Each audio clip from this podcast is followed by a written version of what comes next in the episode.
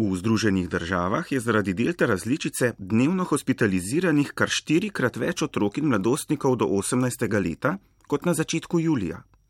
Trend spremljajo tudi slovenski strokovnjaki, govoril sem s pediatrinjo in infektologinjo Tatjano Mrvič z infekcijske klinike v Ljubljani. Medicinski podcast in oddaja Ultrazvok. Ultrazvok.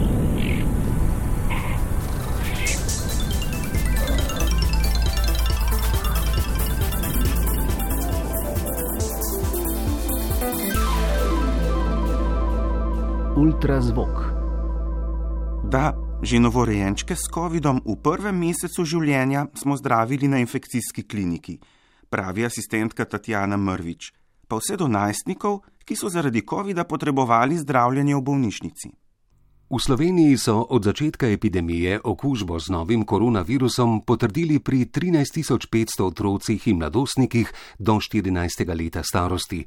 Samo ta ponedeljek, 23. augusta, pri 42.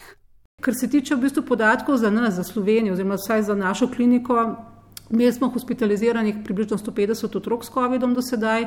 Je pa treba vedeti, da smo bili mi v nekem sistemu pač zapora, ne? se pravi, šole niso delovale, bilo puk nadaljavo, vrtci so bili manj obiskani. Skratka, vse to je sigurno vplivalo na manjšo obolevnost. Ne? Zdaj, če bo ostal sistem odprt ne, in bo pač normalno vse funkcioniralo eh, brez daljave, ne, potem pravzaprav pričakujemo, da bo teh otrok sedaj več. Uh, tudi v Ameriki se je to zelo začelo dogajati, ne, v bistvu tam uh, enormno porašča število obolelih otrok, zato ker imajo pač sistem sproščen, tako da nas verjetno čaka kar pestra jesen. V Združenih državah Amerike je zdaj med hospitaliziranimi zaradi COVID-a kar 2,5 odstotka otrok in mladostnikov do 18. leta starosti. Nekateri med njimi se zdravijo tudi v intenzivnih COVID enotah tamkajšnjih bolnišnic. Okužba s koronavirusom sicer pri otrocih in mladostnikih običajno poteka v blažji obliki. V bolnišnici je potrebno zdravljenje manjkrat kot pri odraslih. Asistentka Tatjana Mrvič. V primerjavi z odraslo populacijo je v bistvu teh otrok, ki rabijo hospitalizacijo, relativno malo. Pač podatki stojine kažejo, nekak, da ne bi bilo hospitaliziranih cirka nekje 10% otrok, se pa to seveda spreminja s starostjo. Ne. Eh, pač mlajši otrok, manjša verjetnost zapleta, ne večji otrok, se pravi najstnik, večja verjetnost zapleta. Ne. Tako da pač starostjo ta verjetnost hospitalizacije tudi narašča. In tudi recimo mi smo konkretno imeli eno samo najstnico, ki je rabila pač potrebo po pač intenzivnem zdravljanju, se pravi, da je morala biti na umetnem predihavanju, skratka, ta je bila praktično odrasla žena. Ultrazvok. Na infekcijski kliniki v Ljubljani so do zdaj zdravili 150 otrok in mladostnikov s COVID-om, na pediatrični kliniki 20, v kliničnem centru Mariboru 4. Za nas je bilo ta, to, to leto, pa pol, v bistvu skoraj dve leti, zdaj bilo zelo zanimivo z tega stališča, da so ostale infekcijske otroške bolezni praktično zginile. Se pravi, ni bilo noric, ni bilo črvesnih okužb, ni bilo gripe, ni bilo RSV okužb, zato ker je bilo dejansko zapora, ne? se pravi, lockdown je bil. Smo pa zdaj maja meseca začeli opažati, da so se zadeve sprostile, da so se začeli začel pojavljati ti virusi, ki smo jih bili navajeni. Se pravi, RSV, ki ga poleti praktično nikoli nismo imeli, imamo zdaj otroke hospitalizirane z RSV okužbami, ki rabijo kisik, dojenčke. Se pravi, ti otroci bi po, po logiki morali priti jeseni šele. Tako da dejansko bomo verjetno vse nadoknadili. Tako da nekje 150 otrok, pravzaprav ne sliši se veliko, Ampak, če pogledamo, recimo, ne, mi imamo po pleču 300 bronhiolitisov na leto, se pravi, respiratornih okužb hospitalizirano. Tako da tam, tam ne.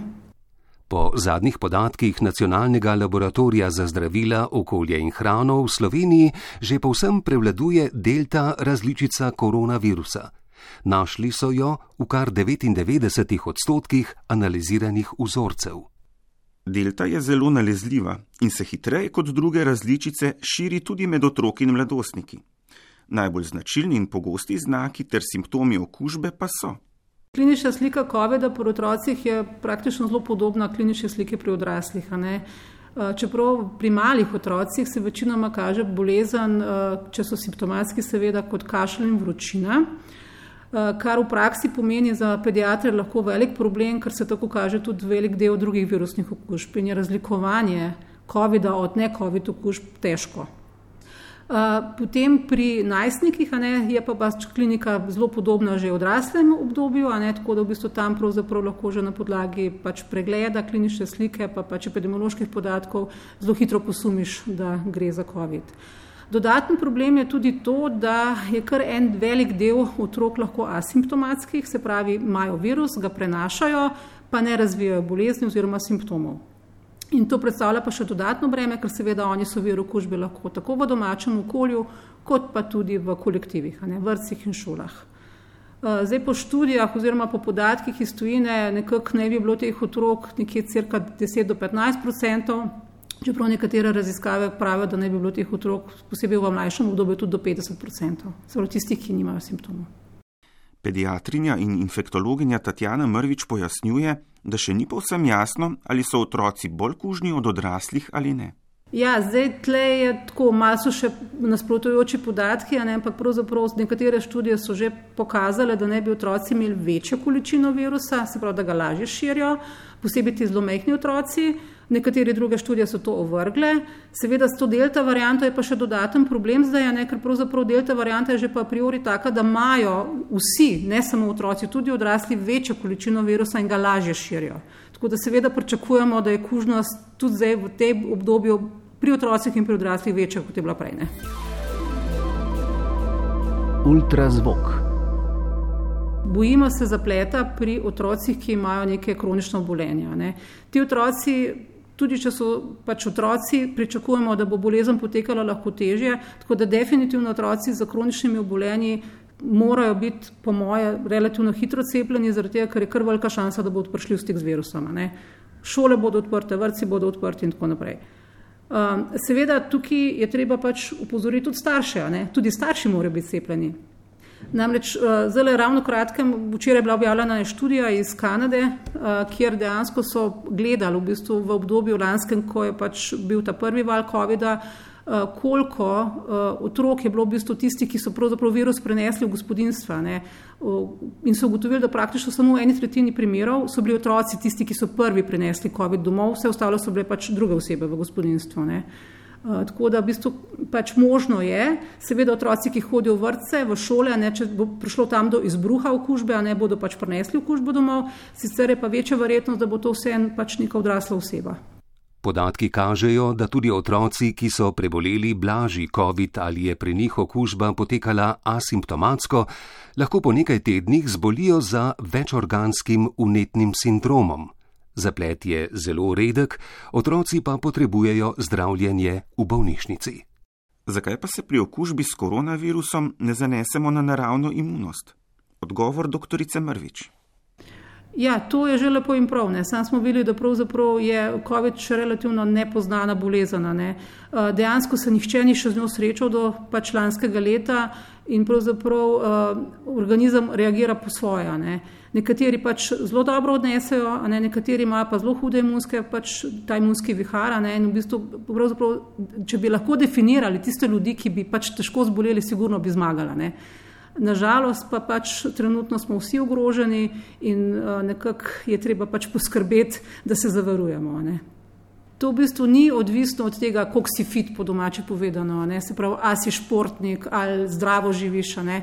Ker imamo tudi pacijente, ki recimo delajo vse prav v življenju, ne, ki dejansko so varni, ki pač eh, skrbijo za svojo eh, pač situacijo doma, eh, ampak enostavno tudi v njim se zgodi, da pride do težkega poteka, da pristanejo na respiratorju, da imajo dolgoročne posledice zaradi COVID-a. Tako da, kot sem rekla, nimamo še recepta, da bi iz vse množice ljudi prepoznali ravno tiste, ki bodo imeli pa, pa zdaj zapletene. Preostane torej vprašanje, cepljenje da ali ne. mRNA tehnologija, na kateri bazirajo otroški mislim, cepiva, ki so odobrena za otroke, pravzaprav to ni nova tehnologija. To tehnologijo so začeli razvijati že pred 20-30 leti, pravzaprav z namenom zdraviti rakava obolenja in dejansko to tudi delajo. Tako da, če je v bistvu zadeva za njih v redu, ne, pravzaprav jaz ne vidim nobenega dodatnega pač problema. Eh, tudi posebej zato, ker so ta cepiva dreno drugače, so čista cepiva, kot mi rečemo, ne, nimajo teh primesij adjuvansov, ki jih imamo v recimo, ostalih otroških cepivih. Tako da ti neželeni učinki praktično so zelo, zelo redki. In jaz sem večkrat statistično pogledala, v bistvu, koliko, ker nimamo po starosti skupinah, ampak generalno glede na število odmerkov Pfizerjevega cepiva, nekje je no, neželenih učinkov bilo prijavljenih v Sloveniji, kar je pač tu eh, dostopno na spletni strani NJZ, ni cela nič 3% glede na število odmerkov. To je pa v bistvu že praktično ti strank, ko so zdaj američani dali podatke, ven, da toliko otrok je umrlo s COVID-om. Ni cela nič 3% otrok, ki so zboleli s COVID-om, je tudi umrlo. Tako da tam, tam. Skratka, če lahko zbiraš, a boš imel neželeni učinek, da te bo roka bolela, da boš imel malo vročine, um, kar je prečakovano, ali pa na tega, da pač pride otrok v bolnico, v intenzivno enoto, ali pa bog ne da, da zaradi tega tudi umre, sigurno mislim, da tle pač uh, tehnica prevaga v korist cepljanja. Po podatkih Nacionalnega inštituta za javno zdravje je bilo v Sloveniji z enim odmerkom cepljenih 19.400 otrok in mladostnikov do 18. leta starosti. Z vsemi odmerki pa 13.000. Pri nas je torej polno cepljenih 3,5 odstotka mlajših od 18 let.